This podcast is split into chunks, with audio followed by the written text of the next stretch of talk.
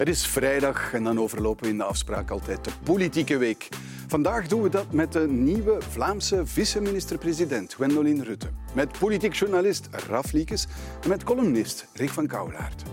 Welkom bij de afspraak op vrijdag.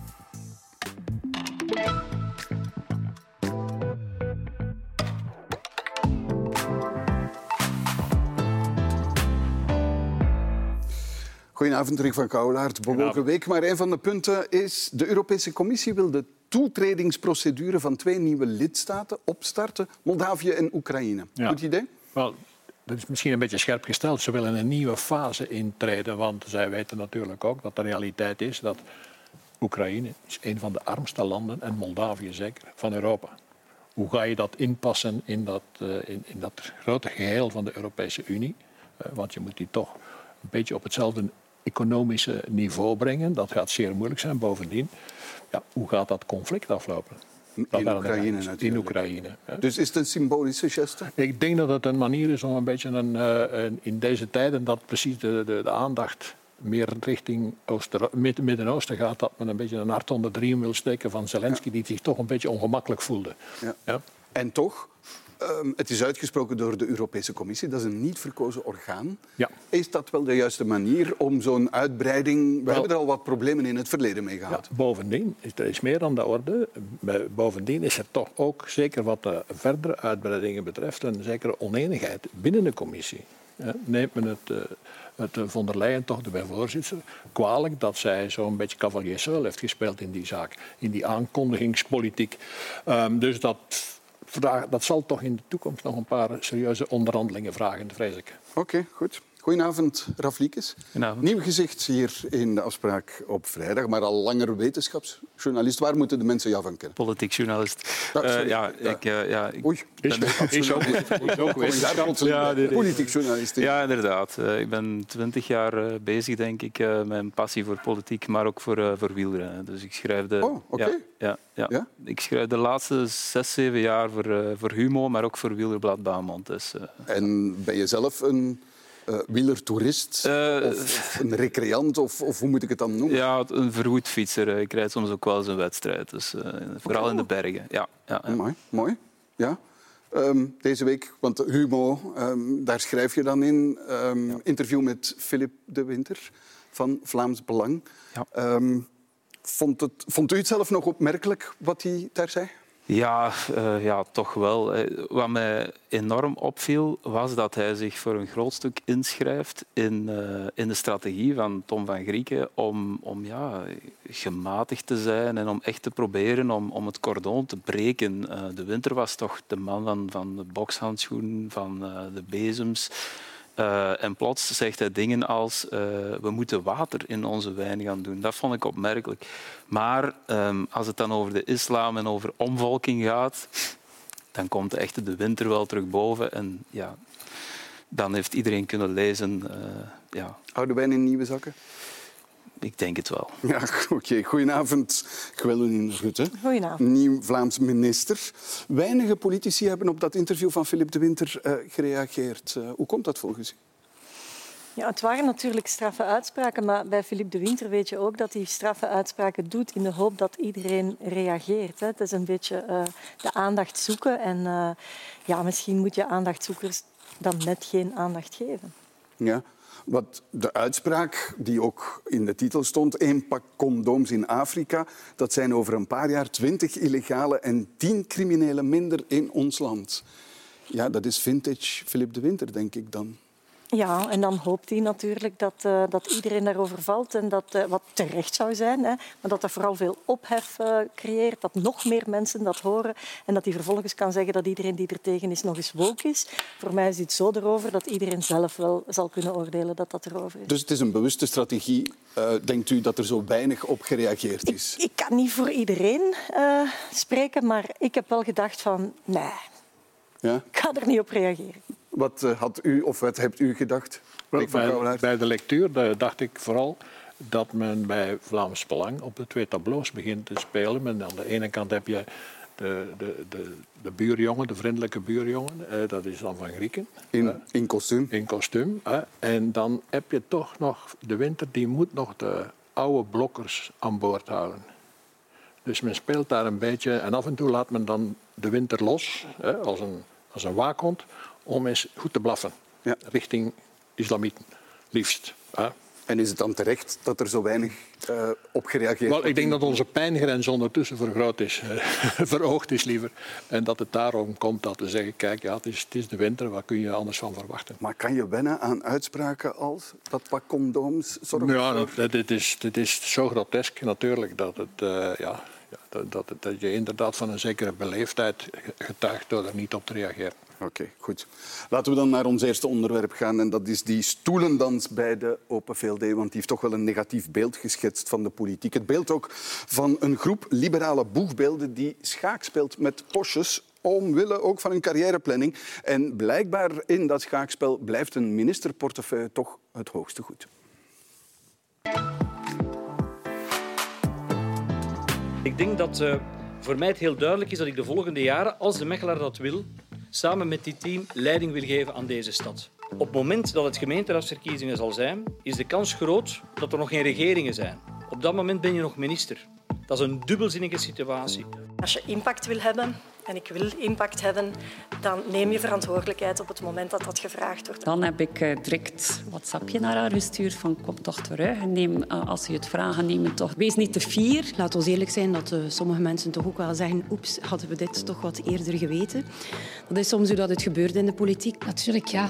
Eh, met alles wat de afgelopen weken is gebeurd, begrijp ik wel dat heel veel mensen denken, ja, hoe is zoiets eh, in godsnaam mogelijk? Waarom moest het op deze manier? Wij vinden het gewoon ongelooflijk dat er nu nog op eh, ja, zeven maanden voor de verkiezingen een eh, stoelendans is. Dat minister Somers de vlucht vooruit neemt naar Mechelen, dat snap ik op zich nog. Eh, ja, niemand wil het belang van, van deze regering verdedigen. Maar ja, het is wel echt een masterclass in politieke postjes pakken wat we nu zien met mevrouw Rutte. Hè. Alleen de eigen postjes, de eigen carrière telt nog bij Open VLD. Wel, ze mogen nog 200 dagen van hun postje genieten. Dan zal de Vlaming wel afrekenen met dat egoïstische liberalisme. Rick van Kouwelaert, hoe hebt u hier naar gekeken? Wel, dit is een, een, een van de episodes in een lange reeks eigenlijk bij de VLD. Hè. Dus het is eigenlijk begonnen met het, het, het ontslag van Eva de Brekker. Uh, waar ik mij altijd vooraf vraag waarom zij ontslag heeft moeten nemen. Die men dan gaat vervangen door een Franstalige. Alexia Bertrand is Franstalig, komt van de MR. Is bovendien gelinkt met een van de grote holdings in het land.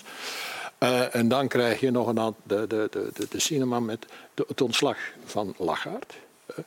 Uh, daar wordt dan ongena ingeschoven.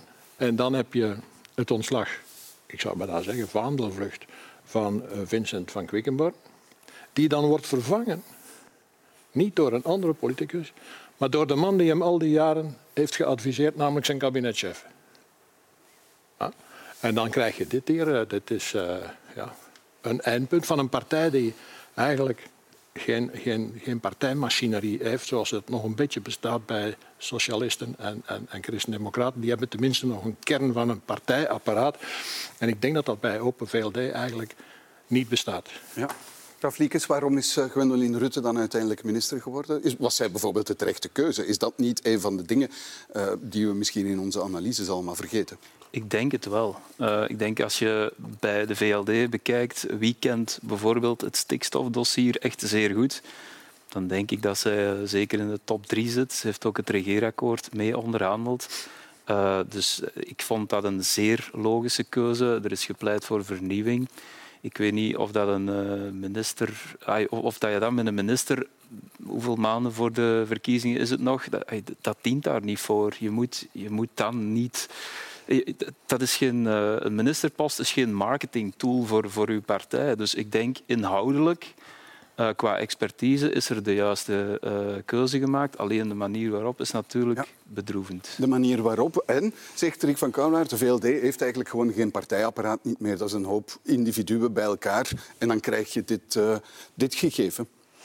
Ja, ik ga niet ontkennen dat, dat wij natuurlijk een heel turbulente periode achter de rug hebben. Hè. Dat zal een beetje onnozel zijn. Uh, Ehm, het, is, het is behoorlijk wat geweest, maar ik ga u wel tegenspreken als u zegt dat, uh, dat wij geen partij meer zijn. Ik heb de voorbije week echt wel gezien uh, dat, uh, dat er ook veerkracht bestaat om na zo'n turbulente Verwart periode... uw partij niet met partijbureau? Wat blieft? Verwart uw partij niet met partijbureau? Nee, want ja, tot niet zo heel lang geleden, een paar dagen geleden, was ik ook lokaal actief. Hè, en daar zijn burgemeesters, schepenen, gemeenteraadsleden. Dat zijn, dat zijn de mensen die met de twee voeten op de realiteit staan. En die heb ik de voorbije week weken ook heel veel gehoord. En die vragen ook echt wel, die zeggen ook echt wel, kom aan, nu is het goed geweest. Um, er kan nog gewerkt worden, uh, doe dat. En, en ja, goed, een partij is... is, is we zijn natuurlijk een partij waar iedereen zich in het diepst van zijn gedachten wel voorzitter voelt uh, of geroepen voelt om een mening te geven. Maar uh, de waarden die wij delen rond vrijheid, rond verantwoordelijkheid, en die heb ik gevoeld deze week. Echt maar qua, qua communicatie is het toch een horrorshow geweest. Bedoel, Bart ook, Somers zegt, uh, blijkt al zeer lang met dit idee rond te lopen. Uh, op het moment dat de wissel gebeurt uh, van Quickenborne van Tichelt, houdt hij zijn mond blijkbaar. Als hij op dat moment zegt, let op, interne, ik ben over één of twee weken weg, misschien kunnen we daar u dan voor, voor aanwijzen ja, dan, dan, dan had u niet zo boos moeten worden en dan was uh, de partij een enorm uh, slecht spektakel bespaard. Ja, maar ik heb ook gezegd als eerste punt, hè, ja, als je hier naar terugkijkt, het is een hele turbulente periode geweest en dat is ook, was ook deels van de reden ja. waarom ik zo boos was. Hè. Okay, maar, hebt u zelf uh, maar op een bepaald niet... moment stap je op en dat noem ik dan impact hebben, mee uh, aan het stuur gaan zitten en zeggen, okay. kom aan, we gaan vooruit. Maar hebt u ook niet gedacht, beste Bart Somers, had u dit twee weken geleden bekendgemaakt, dan zou de puzzel er helemaal anders hebben uitgezien. Die gedachte is toch ook door u wie hoofd... Heeft, wie heeft dat niet gedacht? Hè? Ja. maar goed, de enige die daarop kan antwoorden is Bart. En um, wat ik wel weet, is dat zijn liefde voor Mechelen authentiek is en zijn engagement voor Mechelen ook. Vriend en vijand weten wat die man daar gedaan heeft. Maar hij had de partij heel veel horrorshow, om meneer Liekes te citeren, kunnen besparen. Ja, maar dat, laten we dat blad omdraaien. Je nee, kunt dat, de tijd dat, niet gaat de kiezer terugdraaien. Dat gaat de kiezer natuurlijk niet doen, dat blad ik zeg, omdraaien. ik zeg altijd, ik zei tot voor kort 200 dagen, ondertussen nog 198. Als je ziet uh, dat een week in de politiek een eeuwigheid is, ja, dan zullen die bijna 200 dagen uh, waar we nu nog kunnen werken, waarin er dossiers op tafel liggen. En dat is de reden waarom ik gedaan heb wat ik gedaan heb. Ik wil vanaf dag één aan het werk gaan. Uh, stikstofdossier ligt op tafel. dat is belangrijk voor Vlaanderen voor de economie. Er moet nog een begroting gemaakt worden. Kijk, daar gaat het uiteindelijk. Ja, maar Ja, gaat ze ook- wil impact hebben, heeft mevrouw de minister al een paar keer gezegd. Wat, wat, wat Wel, betekent is, dat, is dan? een, eh, dat is eigenlijk een, een, een verklaring die mij ook een beetje schokte bij Somers. Somers zegt, hij gaat weg en hij zegt, ik ga mij nu met belangrijke zaken bezighouden. Hoezo? Wat heeft u dan gedaan al die jaren in de Vlaamse regering? En mevrouw zegt, ja, ik wil impact hebben. Ja, maar zij zat ook in het parlement. Het parlement is een, een, een, een, een, machinerie om impact te hebben. Dus blijkbaar kijkt men daar toch op een of andere manier op neer. Maar hier gaat het vooral, hier gaat het voor over de geloofwaardigheid. De geloofwaardigheid is niet alleen de manier waarop de wissel gebeurd is, maar de, de moeilijkste momenten komen nu voor de minister. Haar geloofwaardigheid in het stikstofdossier, waar ze zich veel, zeer ver heeft gewaagd in het verzet tegen de plannen van mevrouw Demir. Ja. Maar u heeft het zelf gezegd, de begroting. Dus nu als vice-minister-president cautioneert u mee de begroting zoals ze voor ligt. Nu, ik heb net de nota gelezen van Koen Algoed, die aan het hoofd staat van Financiën en Begroting. En daar staat letterlijk in, de volgende legislatuur gaat Vlaanderen vooral belastingen betalen. Om de putten te delgen van deze regering. Dus u, u Ja. keurt dat dus eigenlijk goed. Nee, wat ik, niet, wat ik uh, weet is dat we uh, uit uh, een aantal crisissen komen. U weet dat ook Ja. nog, coronacrisis. We hebben de energiecrisis gehad. En alle regeringen in dit land, en dus ook de Vlaamse, hebben op het moment dat het crisis was gezorgd uh, dat er tegemoet gekomen kwam aan de noden van mensen. En ja, dat kost geld. En ja, dan Maar gaat je begroting is die in het rood. 5000, is die Ja. 5000 euro voor, voor elektrische, aankoop van elektrische wagens, is dat tegemoetkomen aan de, aan, de, aan de noden van mensen. Nee, dus. Wel, als je daarmee uh, de elektrificatie een stukje sneller kan laten gaan, en dat is een belangrijke doelstelling, dan kan dat helpen. Voor u en voor mij zal dat niet nodig zijn. Wij hoeven uh, op zich die, uh, die bonus niet te hebben. Maar voor om de stap te zetten van een wagen, een fossiele wagen naar een elektrische wagen, ja, dan kan dat misschien wel het verschil maken. Maar dat is ook niet de essentie, dat is niet de grote maatregel. Als u het hebt over, over het feit dat die begroting terug op orde moet, dan zitten we in Vlaanderen niet zo slecht als je kijkt naar, naar een vergelijking maakt met de andere entiteiten in ons land. Ja. Vlaanderen houdt zijn budgetair traject. Maar, maar ja, we hebben inderdaad ook die crisissen Mag gehad. Mag ik er ook even aan herinneren dat, dat, de, dat de Brusselse minister van Begroting ook een liberaal is. Mm -hmm. En dat is een complete puinhoop. Wel, ja, en ook de federale uh, begroting heeft het moeilijk. En dan zullen we nog zwijgen van uh, de, de, in het Franstalige landgedeelte. Als je uh, een opeenvolging hebt, een financiële crisis hebt gehad, je hebt coronacrisis gehad, je hebt een energiecrisis gehad, er is oorlog bezig in Oekraïne. Luister eens, als het brandt, dan blusje. Hè? En ik denk dat dat de, de juiste Europa keuze ook gehad, was. En dat heeft, voilà, dat heeft de rest van Europa ook gehad. Maar goed, dan moet je wel, en daar ben ik het helemaal mee eens, Elders als die crisis gedaan is, ja, dan komt het erop aan om orde op zaken te zetten. Maar ik denk ook niet dat uh, mensen het hadden geapprecieerd als het uh, coronacrisis was, dat we hadden gezegd, uh, trek uw plan maar. Hè? En, en, en je ziet aan de economische indicatoren dat ons land, dat België, zich beter door die crisissen heeft geroerd dan andere omliggende landen. Dat we meer veerkracht tonen, dat onze koopkracht beter overeind is gebleven. Als je natuurlijk in een Amerikaansachtige samenleving zit die zegt als het slecht gaat, trek allemaal uw plan en laat de armoede weer welig tieren. Uh, maar als het goed gaat, verdien dan maar heel veel geld. Ja, dan, dan, zal, dan, dan zit je in een heel andere situatie. We hebben economische stabilisatoren die ervoor zorgen dat als het slecht gaat, we minder diep gaan. En als het goed gaat, uh, we misschien ook minder hoog gaan. Maar dat is de keuze die we maken met ons model ja. van een samenleving. Even terug naar wat u daarnet de horrorshow noemde. Voedt dat volgens u de antipolitiek? Want dat zeggen andere partijen. Bijvoorbeeld, u hebt er daarnet een paar uh, gehoord, onder meer van de oppositie. Ja, dat is duidelijk. Als je dat op straat vraagt, dan, dan onthouden mensen maar één ding. En dat is, uh, mevrouw Rutte zag twee weken geleden uh, geen belangrijke rol niet meer. Dus verlaat de nationale politiek. En plots uh, stapt ze er opnieuw in omdat er een ministerpost is. Maar dit is meer dan een ministerpost. Dit gaat ook over uh, invloed in de partij. Uh, ze zit plots in de cockpit van de partij.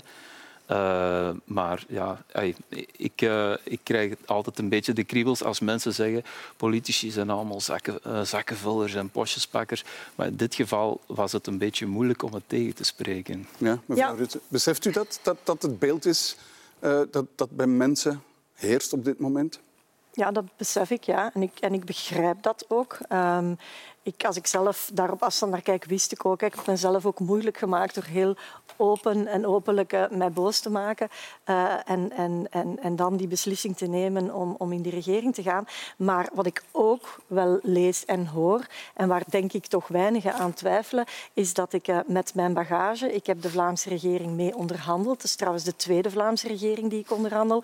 Ik heb vijf jaar in het parlement gewogen op de dossiers. En ik denk dat ik deze week heb laten zien dat ik vanaf de eerste dag in zo'n regering kan stappen en kan meedraaien in het parlement om vragen te beantwoorden aan de tafel van de ministeraat om. Omdat um, daar moet het in essentie, begrijp natuurlijk hoe het, hoe het overkomt, maar in essentie uh, moet het toch zijn, zit de juiste man of vrouw op de juiste plaats. Ja, maar... En dat, dat, is bij meneer Van Tichelt dan zo, dat is bij mij zo. Op, of als het over kennis en expertise gaat, heb ik eigenlijk weinig kritiek over. Maar het gaat vaak om redeneringen die naar voren worden geschoven als argumentatie. Bart Somers zegt, ik kan geen campagne in Mechelen voeren als minister in lopende zaken.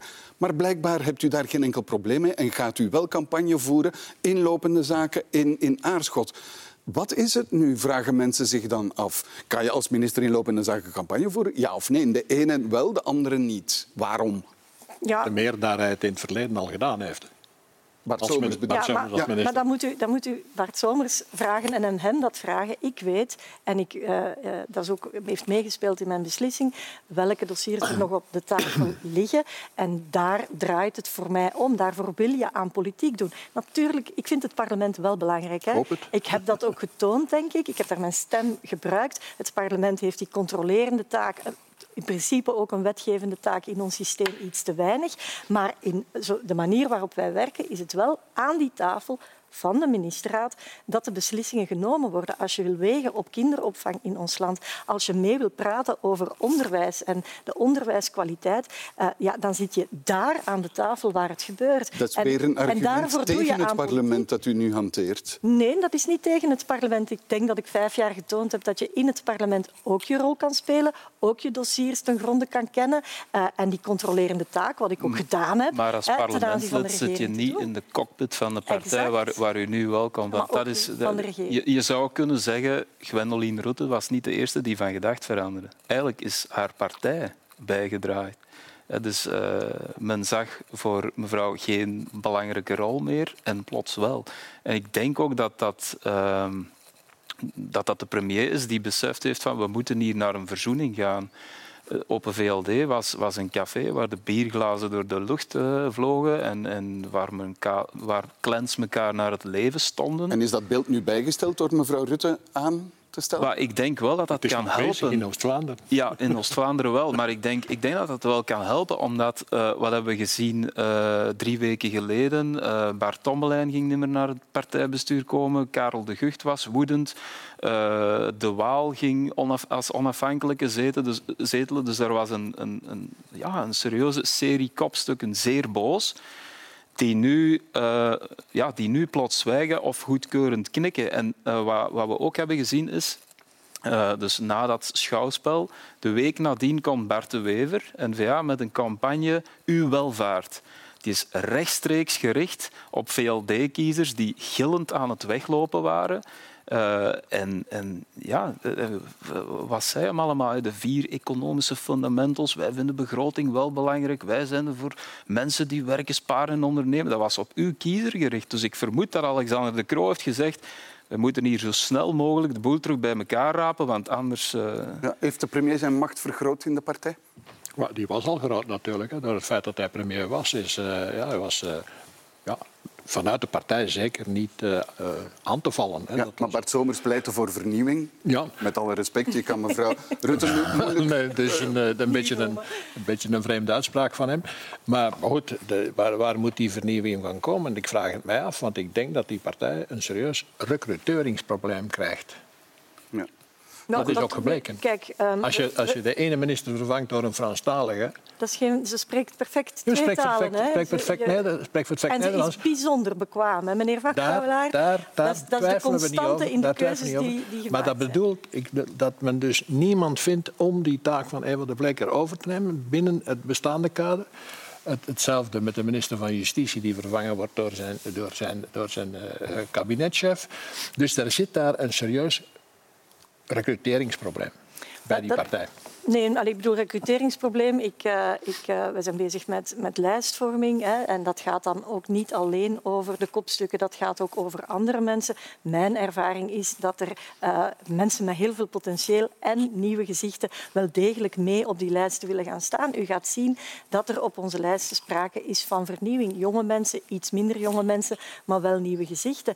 Um, het is ook wel een beetje van twee dingen één. Hè. Ik bedoel, ik kom uit het... Ik ben gekozen in het Vlaams parlement. Ben rechtstreeks gekozen door de Vlaams-Brabanders. Ik zit daar bijna vijf jaar en ik word uh, nu minister in de Vlaamse regering. En er is veel ophef. Uh, dat is dan blijkbaar niet goed. Ik noem dat democratie. In het andere geval is het uh, iemand die buiten het parlement gekozen wordt. En dan is het ook niet goed. Hè. Dus ik ben het eens dat... dat Enfin, laat ons niet flauw doen. De manier waarop wat wij hebben meegemaakt is niet goed. Streep eronder trekken, vooruitkijken en we gaan verder. Maar wat wel belangrijk is, is dat in alle gevallen die u noemt over bekwame mensen gaat, waar vriend en vijand van zeggen, ze weten wel waar ze mee bezig zijn. Is dat niet de essentie? Ja, maar, ja, maar goed. Nee. ik was bijvoorbeeld toch verbaasd uh, dat de minister van Justitie, ook uh, meneer Van Tichel, een communiqué uitgeeft over een lopend onderzoek, namelijk de moord in, in Sint-Liebezaten. Voor een minister van Justitie is dat eigenlijk, om, te zeggen, om niet te zeggen, zeer ongewoon. Ik vond dat een, een echte misstap. Ik heb, was dat deze week, want ik heb het, ja. uh, ik heb het druk gehad deze week, dat is Daar, mij ontgaan. Dat, dat maar, doe je niet uh, als minister van Justitie. Oké, goed. Maar laten we dan eh, even naar de Vlaamse regering gaan. Want het eh, stikstofdossier is eh, wellicht het meest complexe en moeilijke dossier van die regering. Die regering sleept namelijk al jaren een Gordiaanse knoop mee met aan de einde een doembeeld van een vergunningenstop voor zowel landbouw als industrie. Maar blijkbaar zit er eindelijk schot in de zaak. Ik zit gewoon als minister in uh, de juridische realiteit. En dat is dat wij op dit moment geen vergunningskader hebben. En dat ik nu drie jaar alles op alles zet om tot een stikstofdecreet te komen. En de komende weken en dagen zal ik mij ook daarop focussen. Nu aan het werk. De sfeer is uh, zeer constructief. Er wordt hard doorgewerkt. Ik denk dat de zorgen bekend zijn. We moeten stikstof reduceren, maar er moet ook perspectief geboden worden. Dat is de essentie en de inzet van de komende onderhandelingen. Ik heb een hele hoop eh, dossiers bij en er is voor de rest nu genoeg gezegd. Dus het is tijd om uh, ja, samen met de collega's aan de slag te gaan aan het werk. Hè. Dat is voor mij nu het allerbelangrijkste. Dat het geen dovenmansgesprekken zijn, maar dat er goed geluisterd wordt. En als je goed naar elkaar luistert, is de kans ook groter dat je tot een akkoord komt. Hoe ver staan we, mevrouw de minister? Want we zagen nu met uw dossiers uh, ja, naar de regering uh, trekken. Dus, hoe ver staan we? Ja, um, het, het laatste grote publieke debat, zal ik zeggen, over het stikstofdossier is er geweest toen de Raad van State een advies heeft gegeven over uh, het uh, decreet dat er lag. Um, en sindsdien is er enorm veel gebeurd en hard gewerkt. Hè. Um, dat advies is ook publiek gemaakt. Iedereen weet ook uh, waar de knelpunten zitten. Ik had ook al een aantal van die dingen aangehaald. Hè. Dus uh, um, dat is één. Twee, er is dan, uh, zijn experten aangesteld, juristen, topjuristen, die samen door dat advies zijn gegaan en die uh, een rapport hebben gemaakt over uh, wat dat uh, advies van de Raad van State zegt. En dan heb je een werkgroep gekregen van parlementsleden, gemengd met de regering, die zowel door het advies van de Raad van State zijn gegaan, het advies van de experten hebben doorgenomen en eigenlijk, laten we zeggen, technische zaken al hebben uitgeklaard. En tot slot is er uiteraard, en, en, niet in het minste afgelopen week, maar ook uh, heb ik begrepen van collega De Mier en, en, collega Broens de week daarvoor, heel veel bilateraal gesproken. Eén uh, op één wil dat zeggen. In hoe kijken jullie ernaar? Wat kan er gebeuren? en het belangrijkste voor mij is dat, het, dat de wil er is om een oplossing te zoeken. Het zal niet eenvoudig zijn, ja. echt niet eenvoudig, maar uh, het loont wel de moeite om het te proberen. En dat hoor ik bij alle partijen aan de tafel. Is het, uh, is het nakend, het akkoord? Ja, sowieso. Uh, ja. de, er, is, er zijn eigenlijk een paar wake-up calls geweest. Dus je had inderdaad de Raad van State, dan had je INEOS. ik denk dat op dat moment... Bart de etaankraker in de Antwerpse haven... Vergunning geweigerd. ja, uh, dat, dat is iets dat Bart de Wever zeker niet kan hebben. Dat kan heel Vlaanderen niet hebben. Maar, maar hij heeft aan Radcliffe beloofd, de CEO van Ineos, we gaan dat oplossen. Dat moet in orde komen. En de Wever is niet iemand die graag terug naar Radcliffe gaat met zijn broek op zijn enkels, bij wijze van spreken. Dus ik denk dat hij intern heeft gezegd, whatever it takes. Oké. Okay. Um, en hoe nakend is het akkoord? Ik denk wat ik gehoord heb, is dat, dat ze er eigenlijk bijna zijn en dat het nog iets is van punten en comma's. Uh, ja. ja, je moet wel opletten met wat je hoort, denk ik. Maar goed, ik, heb uh, uh, vandaag ook met de collega's gesproken. Wat belangrijk is, is dat er op inhoud gesproken wordt. En wat belangrijk is, dat er ook geluisterd wordt. Um, belangrijker dan dat het snel gaat, is dat het goed in elkaar zit. Want dit dossier dragen we inderdaad al lang mee. Dat is ook heel belastend voor de mensen die daarmee bezig geweest zijn, maar vooral voor de landbouwers die in onzekerheid zitten, de, uh, de, industrie die in onzekerheid zit. Ja, we, we, hebben de verdomde plicht, zal ik maar zeggen, om ervoor te zorgen dat we proberen een kader te maken dat het toch iets makkelijker maakt om vergunningen te kunnen ja, verlenen maar, in ons land. De, de, en dat is een heel moeilijke opdracht. We zijn daarmee het enige land in Europa dat, dat, um, dat, dat daarin zou slagen om dat op die manier te doen. De verwachting is morgen, maand, dit weekend, uh, maandag. Maar, um, ja, dat mag. Hè. Dus wij gaan werken. Wij gaan elke dag ja, werken. Maar is het zo nakend of zegt u nee, nee vergeet het, uh, er zijn nog veel meer punten en veel meer commas en ik, ik dit denk heeft niet zeker het... meer dan een paar dagen nodig?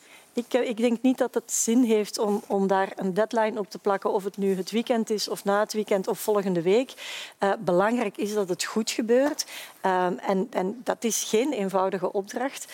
Um, de, de, knelpunten zijn denk ik wel, wel duidelijk, maar de wil is er om te zeggen we proberen het. Geeft dat dan de absolute garantie dat dit probleem is opgelost? Nee. Het is even belangrijk dat je een korte termijn oplossing hebt met wat er nu ligt tot 2030 en dat we ook een lange termijn perspectief gaan openen met hoe we dit probleem voorbij 2020 grondig gaan aanpakken. 2030. Uh, 2030, sorry. Ja, ja. Nee, geen probleem. Heeft, heeft de komst van mevrouw Rutte um, het akkoord versneld?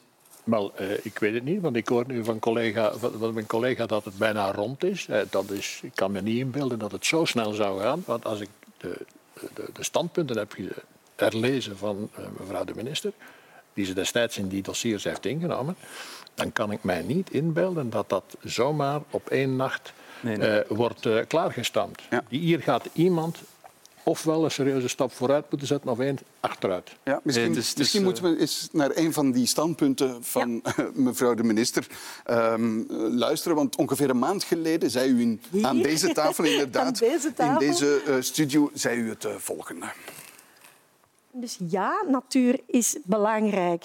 Maar de manier waarop wij het bereiken van um, uh, die, die natuurdoelstellingen in regelgeving hebben omgezet, is een heel strak karkan waar het resultaat van is dat we economisch, of het nu boeren zijn of ondernemingen zijn, gaan achteruit gaan of gaan stilstaan. En dat, en dat is de vraag. Dat wil u openbreken? Ik wil dat openbreken. Okay. Ik ben niet bereid om voor versplinterde stukjes natuur her en der te zeggen we zetten onze welvaart op het spel. Bent u nog altijd niet bereid om de welvaart op het spel te zetten voor versplinterde stukjes natuur? Dat is nog altijd ongewijzigd. Hè? En dat is ook gewoon de logica zelf.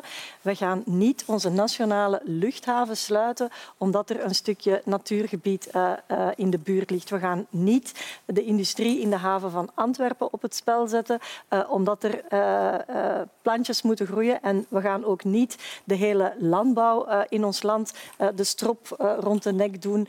Uh, dat, dat is gewoon niet verstandig. Dus er moet een evenwicht gevonden worden. Dat is mijn pleidooi. Hè.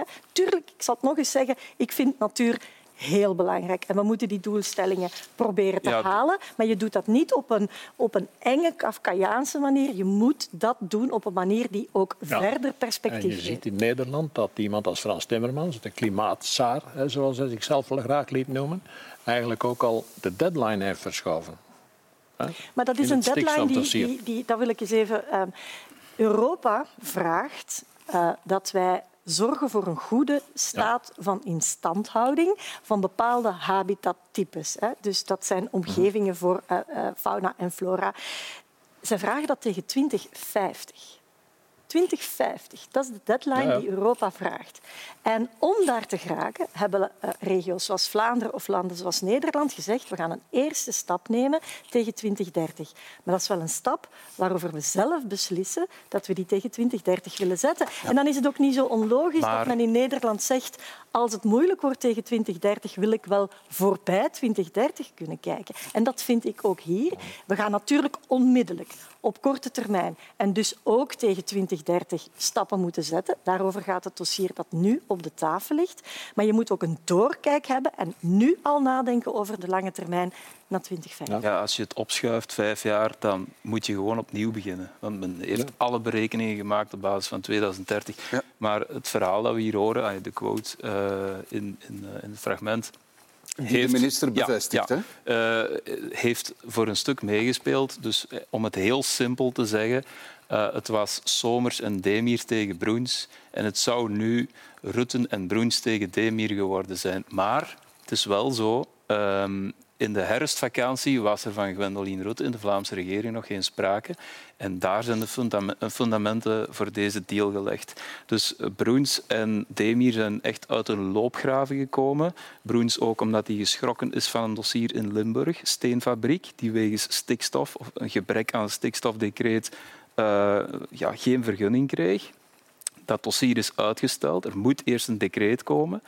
En dus de ogen zijn langs beide kanten opengegaan van we zitten eigenlijk in een, in een bijna.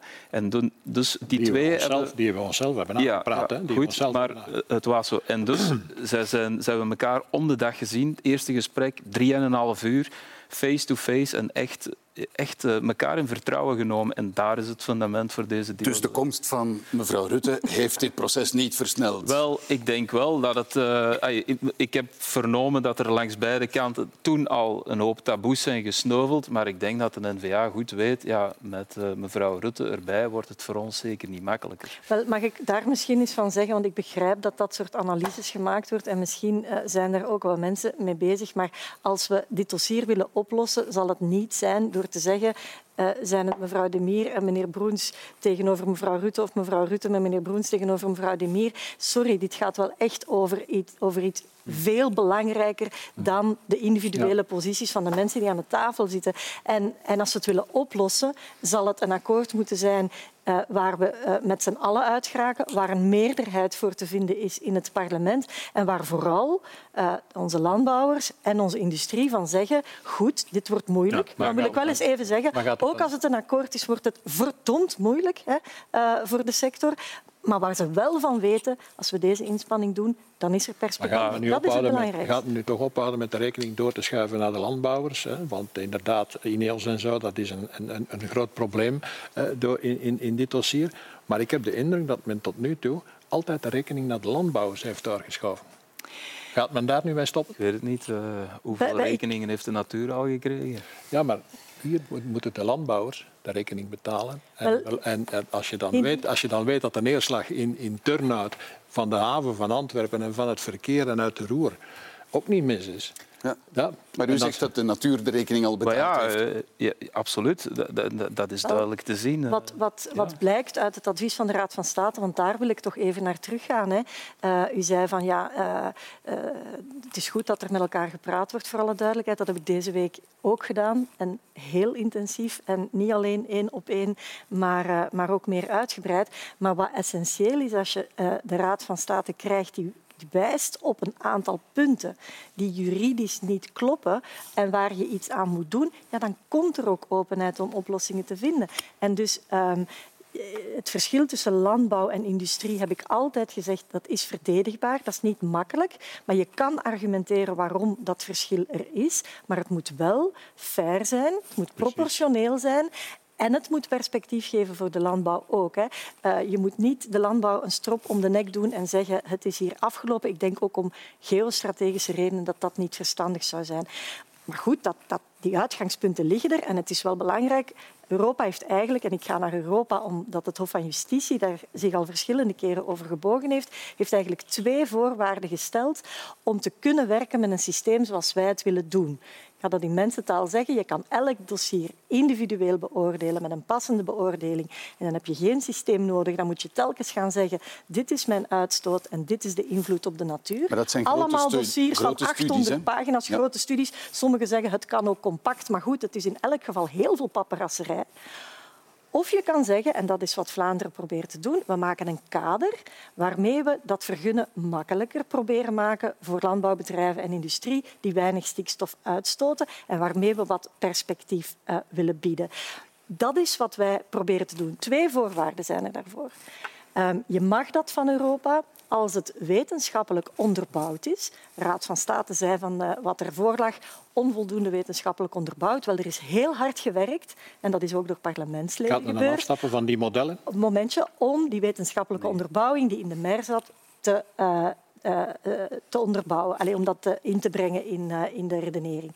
Twee, je mag geen betekenisvolle impact hebben op een natuurgebied. Dat is een heel belangrijk argument. Dus dat is het kader waarbinnen wij werken. Hè. En dat gaat dan niet over politiek gemarchandeerd. Maar- Dit gaat over een stuk wetenschap en een juridisch Maar kader. En. Het is heel moeilijk om die twee grondig met elkaar Maar met deze deal, hè, want ik heb begrepen, er wordt aan een aantal eh, knoppen gedraaid, maar het beleid, er is verder gewerkt op het decreet dat, eh, dat voorlag en de normen voor landbouw blijven 40 keer strenger dan voor de industrie. Dat, dat, dat is wat nu op tafel ligt.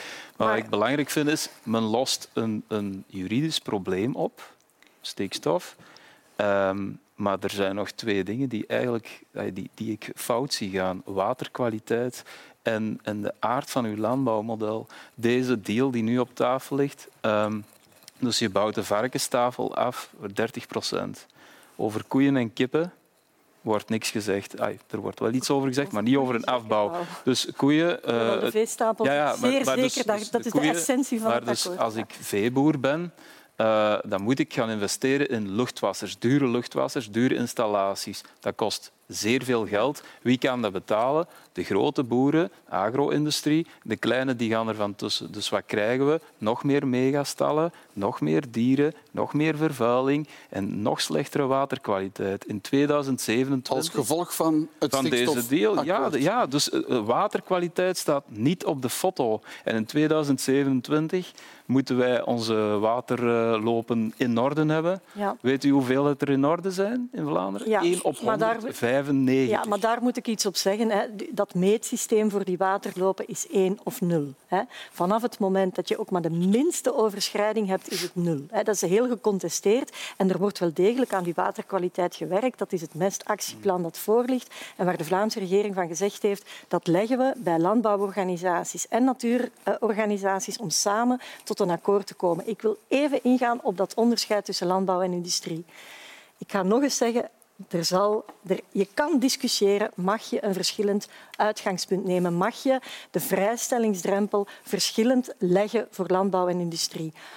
Bon, uiteindelijk zal daar het grondwettelijk hof over oordelen of dat, dat kan of niet. Hè. Maar ik vind het de moeite om het te proberen. Maar wat niet kan, um, en waar ik het heel moeilijk mee heb, is dat je geen enkel perspectief geeft aan de landbouw en zelfs zegt, en dat stond in die vorige akkoorden, dat ze in bepaalde situaties dat was de grote norm, zelfs geen vergunning meer mochten vragen. Ik kan dat heel eenvoudig zeggen een, een, een, een, fabriek, een industriële entiteit, mocht boven een bepaalde drempel in alle gevallen nog een vergunning vragen met een passende beoordeling. Maar een boer met een veel minder uh, hoge impactscore ja, kreeg zelfs het verbod om nog maar te vragen of die een vergunning mocht hebben, zelfs als die een passende beoordeling zou maken. Kijk, ik wil niet te veel, ik vind het moeilijk, want ja, ik wil het graag uitleggen, maar we zitten natuurlijk aan de tafel. Uh, maar dat, is wel, dat zijn dingen waar de Raad van State op gewezen okay. heeft, waar juristen op gewezen hebben en waar dus nu openheid komt maar om over te praten. Is de conclusie niet dat de natuur hier opgeofferd wordt en dat men enkel kijkt naar industrie en landbouw? Maar je gaat wel een verbetering krijgen van, van uh, stikstofuitstoot, uh, omdat je, je bouwt je varkenstapel af. En het is ook zo dat uh, toch wel veel oudere boeren geen opvolger hebben. Dus er gaat sowieso een natuurlijke afslanking uh, komen. Dus dat is het goede. Alleen wij gaan naar een, naar een landbouwmodel met bijna alleen nog maar zeer grote boeren. Merk op dat het businessmodel van de agro-industrie dat wordt gewoon verder gezet. Hè, want wie gaat die luchtwassers verkopen? Ja, de agro-industrie. Ja, de Boerenbond gaat dit akkoord wel aannemen. hoor. Uh, okay. Hun business wordt gewoon bestemd. Maar dus, goed. Even, even toch dus de, de boerderij van de abdij van Westerlo mag het vergeten. Averboden. Averboden, van Averboden.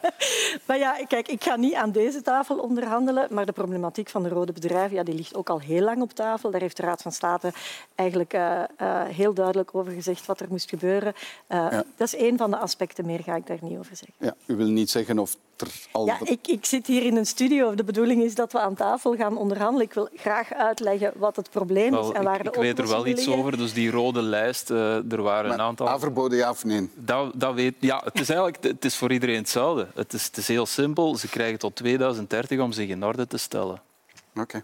goed. Laten we nog naar een uh, derde onderwerp kijken. Want conflict in het Midden-Oosten ja, inderdaad, is nu ook in de Belgische politiek geïmporteerd. Verschillende partijen, vooral aan de linkerzijde, pleiten voor een importverbod voor producten uit de door Israël bezette gebieden. De MR, de Franstalige liberalen, die zijn radicaal tegen en ook premier De Croo wil voorlopig nog niet zo ver gaan. Vluchtelingenkamp plat bombarderen, omdat daar één leider van Hamas zou zitten dat is volstrekt disproportioneel. Dat kan gaan over een importban, dat kan gaan over visa.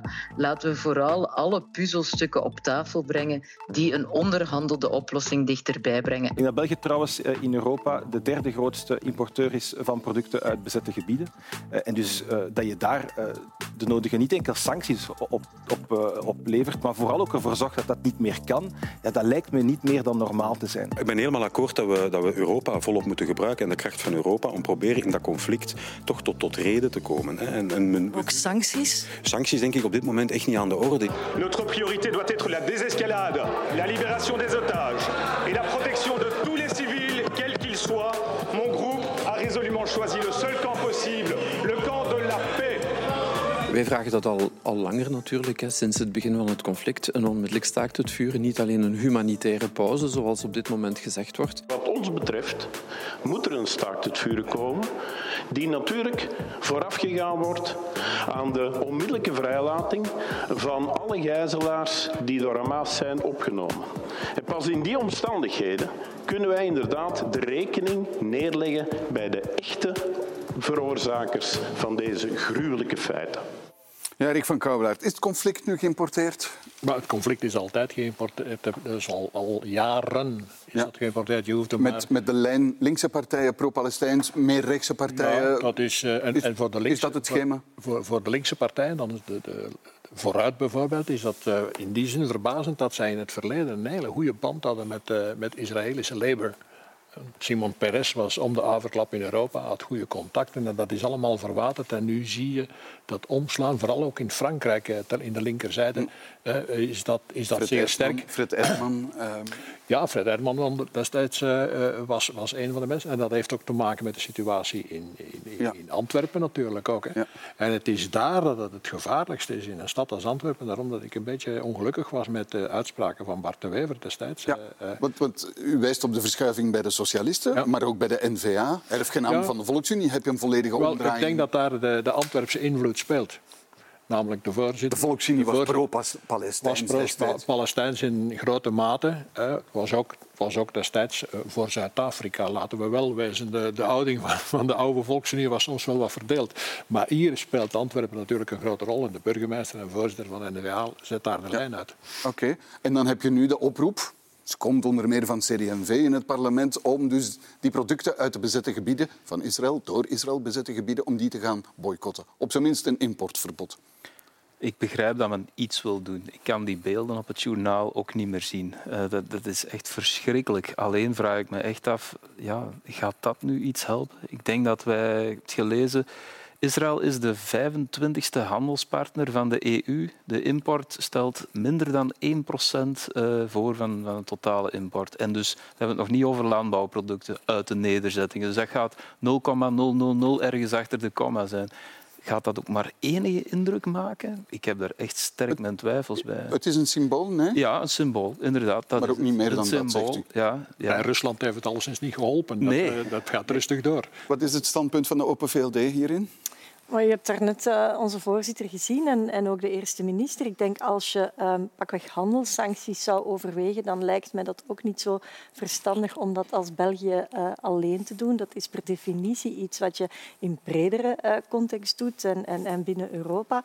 Maar de, de, de meer belangrijke boodschap, want ik volg u wel, hè, um, is dat er op alle mogelijke manieren gedrukt wordt om nu te zeggen um, stop het geweld, humanitaire pauze. Dat is het eerste en het belangrijkste wat er ja. nu moet gebeuren. Dus dat ik begrijp de symboliek dat import, van de rest. importverbod komt er niet? Maar op dit moment uh, niet. Uh, nogmaals, het is symboliek, maar belangrijker is dat, het, uh, dat, dat de gevechten daar minstens een pauze kunnen nemen.